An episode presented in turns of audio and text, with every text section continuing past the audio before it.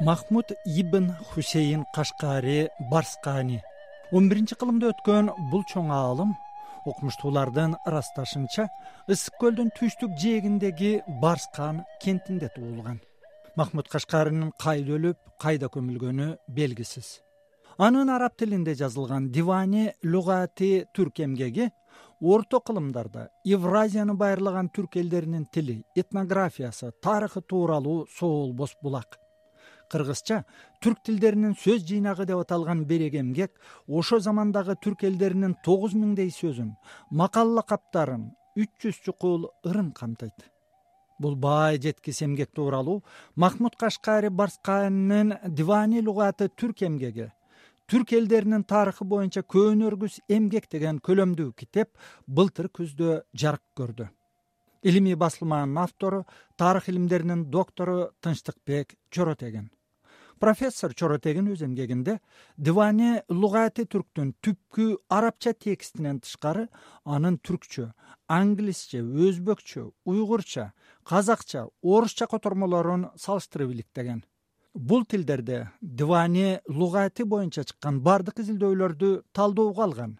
Жана махмуд кашкари өлбөс эмгегин бир миң жетимиш экинчи жетимиш жетинчи жылдары жазган деген көз карашты жактайт профессор чоротегиндин илимий монографиясы буга чейин жарыяланган эмгектерден эмнеси менен баалуу? Бул суроого түркиянын кастамону университетинин конок профессору олжобай каратаевдин пикири. Бабабыз кашкари басканинин эмгеги бул жалпы түркологиядагы түрк тарых илиминдеги жананын ичинде кыргызстандагы негизги биз таянган энциклопедия жана булактардан болуп эсептелет да албетте бул эмгекке сиз өзүңүз айттыңыз немис окумуштуулары америкалыктар англисттер түрктөр өзбек окумуштуулары анан ичинде кыргыз окумуштуулар кайрылып келди. Анан мунун бир негизги өзгөчөлүгү бул түрк тилдеринин сөздүгүн изилдеген ушул орто азиядагы эң биринчи тарыхчы илимпоздордон болуп эсептелет. Тагыраак айтканда бул махмуд кашкари барсканинин түрк тилдеринин сөз жыйнагын алалкы ирет тарыхчы адис катары ошо чыгыш тилдерин билген анын ичинде арабча араб тилинен фарси тилинен ошол эле өзбек тилинен жана башка түрк тилдеринен кабары бардар адам болгон окумуштуу чоротегиндин өзгөчө ролу турат да. Мисалы э, немис окумуштуулары броккельман кел андан башка украиналык э, менен присактар э, өзбек муталибов анан бизде кыргызстанда дагы эки ирет аны кыргыз тилине эки чыгармачылык топ которуп чыкты. Бирок э, алар котормочулор катары белгилүү болду. Бирок бунун тарыхый лингвистикалык географиялык тарыхнамалык булактануучулук орду тууралуу эң алгачкы биздин орто азия түрк тилдеринде жазылган эмгектердин бири өзгөчөлүгү чоротегиндики болуп турат мисалы э, буну эң алгач рифат филисли араб тилине кайрылып жазып аны түркиялык бесим аталай түрк тилине которгон да анан кийин алардын негизги э, кошкон салымдары грамматикалык жактан оңдоп анан экинчиси түрк тилине которгонунда болду. Э, муталибов болсо аны араб тилинен араб тилинен жазылганды өзбек тилине которгондо өзгөчөлүгү. Чоротегиндин өзгөчөлүгү анын эң биринчиден ошонун түп нускасын окуй билген адис катары. Экинчиден э, бул э, сөздүктүн тарыхый лингвистикалык булак катары негизги энциклопедиялык булак катары экендигин тастыктаган анан эң башкысы э, бул сөздүктөгү маалыматтардын негизинде биздин теңир тоо аймагы теңир тоого танапташ жайгашкан аймактардагы этно социалдык этникалык абалды сүрөттөп жазган бирден бир орто азиялык окумуштуу болуп эсептелет. Деди тарых илимдеринин доктору учурда түркияда эмгектенип жаткан олжобай каратаев.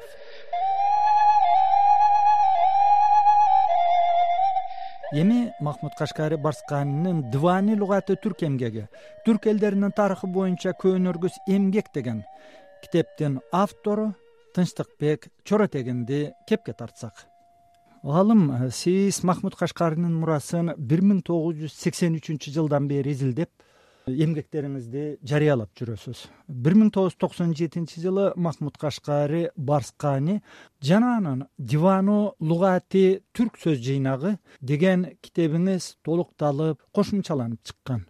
Былтыр жарык көргөн эмгекти жазууда сиз алдыңызга кандай максат койдуңуз? Кандай десем э, бул өмүрдүк иш десек болот да.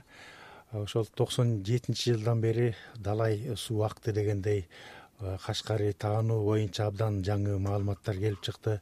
Анын үстүнө мурда өзүм э, көрбөгөн колума тийбеген кийин кол жазмалар дагы андан тышкары кашкарийге таандык делген кээ бир э, жайларды көрүү шыбагасы да туура келди да. Мына иш жүзүндө алардын махмуд кашкаринин күмбөзү эмес экендиги сыяктуу мурдагы жыйынтыгымды тастыктоо үчүн мына ушул жаңы маалыматтар мага абдан жакшы жардам берди.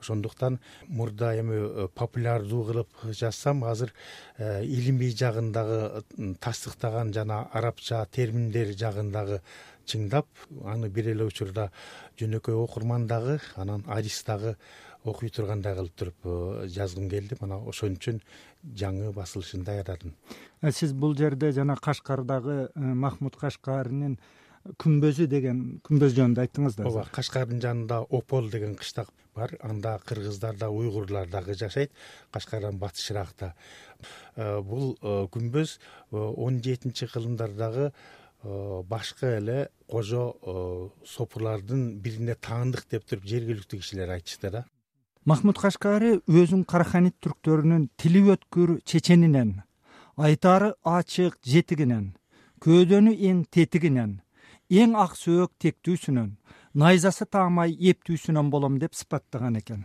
Кашкаринин эли түрк тилдүү чигил бирок аты жөнү бүтүндөй араб. Араб тилин арабтардан да мыкты билет. Муну кандай түшүнсө болот бул мусулмандык ренессанс мусулмандык кайра жаралуу доор менен байланыштуу.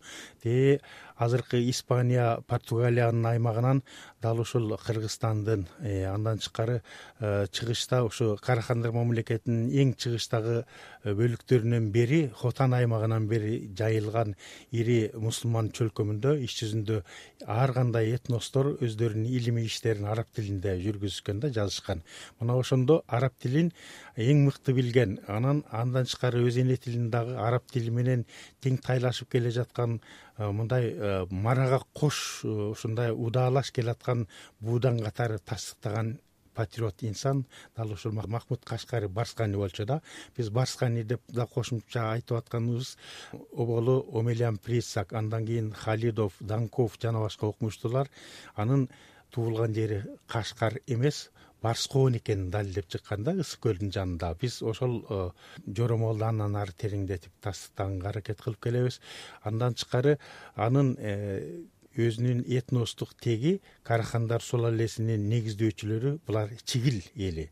Чигил э, бул орхон эне сай руна жазмасында чик деген э, этностун аты бар да. Ал кыргызга э, коңшу эл болгон. Бул дагы эне сайдын берки баш аттык жагында жайгашкан эл болгон. Чик эл кийин чигил чигил чигил деп ар кандай формада аталып калган. Алар дагы борбордук азияга теңир тоого чейин көчүп келген этностордун бири анан акырындап ысык көлдөгү чигилдер кыргыздарга жуурулушкан. Мисалы үчүн боронбай манап Э, семенов тянь шанский менен жолугушуу учурунда биздин бабалардын э, байыркы тектерибиздин бири чигилдер деп да айткан э, кеби бар да. Мына ушулардын баардыгы кыргыздын байыркы бабаларынын бири чигилдер экенин көрсөтөт. Көчмөн бул эл карахандар мамлекетин негиздеген. Бирок ошол эле учурда чигилдердин айрым бир бөлүктөрү бул кеңири аймакты камтыган мамлекеттин ээси болгондуктан албетте бүгүнкү казак өзбек уйгур башкаларга да жуурулушкандыгын биз айтышыбыз керек. Чигилдер жалаң эле кыргызга жуурулду десек анда калп болуп калат. Орто кылымдарда лимпоздор менен акындар өз эмгектерин хандар менен бектерге тартуу катары жазган учурлар кездешет. Махмуд кашкари да дивани лугатты ушундай максатта жазганбы? Же китептин жаралышына илимий кызыкчылык түрткү болгонбу? Кайсынысы көбүрөөк? Албетте бул э, багдадтагы халифке э, өзүнүн бийлигин тартуулоо ниетинде болгондугу жөнүндө махмуд кашкари барскани өзүнүн диванынын баш сөзүндө жазат кириш сөзүндө белгилейт. Бирок э, ал кезде чыгарманы таасирдүү бир төбөлгө арнап жазып коюу бул бүткөндөн кийинки гана учурга таандык келет да. Иш жүзүндө ал кездеги багдаддын халифи селжуктардын кол астында болгон. Селжуктар саясий өкүмдар болуп ал эми диний жагын гана халифтер тейлеп калган. Ошондуктан бул э, халифке э, бийлик кылуу маселеси бул э, символдук гана мааниге ээ. А бирок чыгарманын өзүндө анык көрсөтүлгөндөй анын негизги максаты түрк дүйнөсүнүн түрк маданиятынын тереңдигин араб тилдүү окурмандарга көрсөткүсү келген.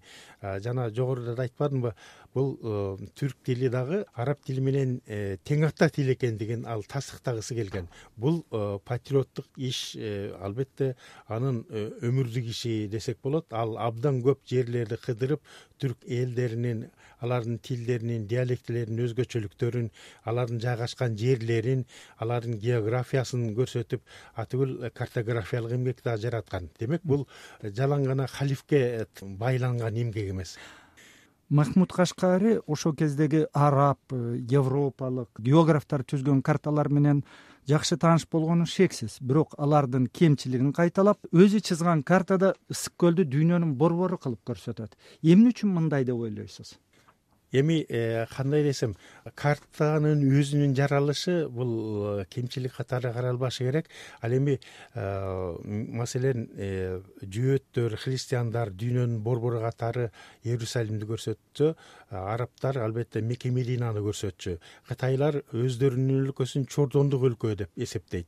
Ошондой эле шангрила дегенди бутпарастар өздөрүнүн ошо тибеттеги тоо кыркалары менен байланыштуу айтышат. Айтор ар бир эл э, өзүнүн дүйнө таанымында дүйнөнүн чордону катары өзүнүн ата журтун көрсөтөт. Мына ушул жактан ысык көлдү көрсөтүп жатышы демек бул махмуд кашкаринин э, мындай катачылык эмес тескерисинче анын өзүнүн замандаштарынын өзүнүн мекендештеринин дүйнө таанымын ушул мусулмандык картографияда так таасын чагылдырып жатышы деп эсептесек болот да.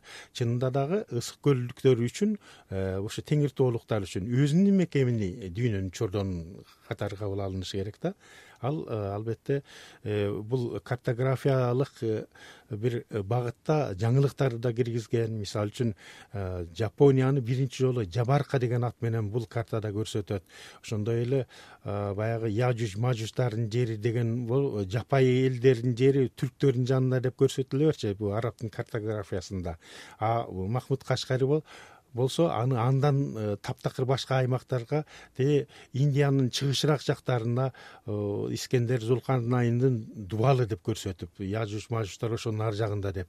Демек өзү билбеген э, таптакыр башка аймактарга көрсөтүп түрк элдеринин айрымдарынын шаарларынан бери жашаган аймактарынан бери ушу өзүнүн картасында көрсөтө кеткен да. Демек ал өзүнүн патриоттугун дал ушул билимин дагы дагы чагылдырган десек болот.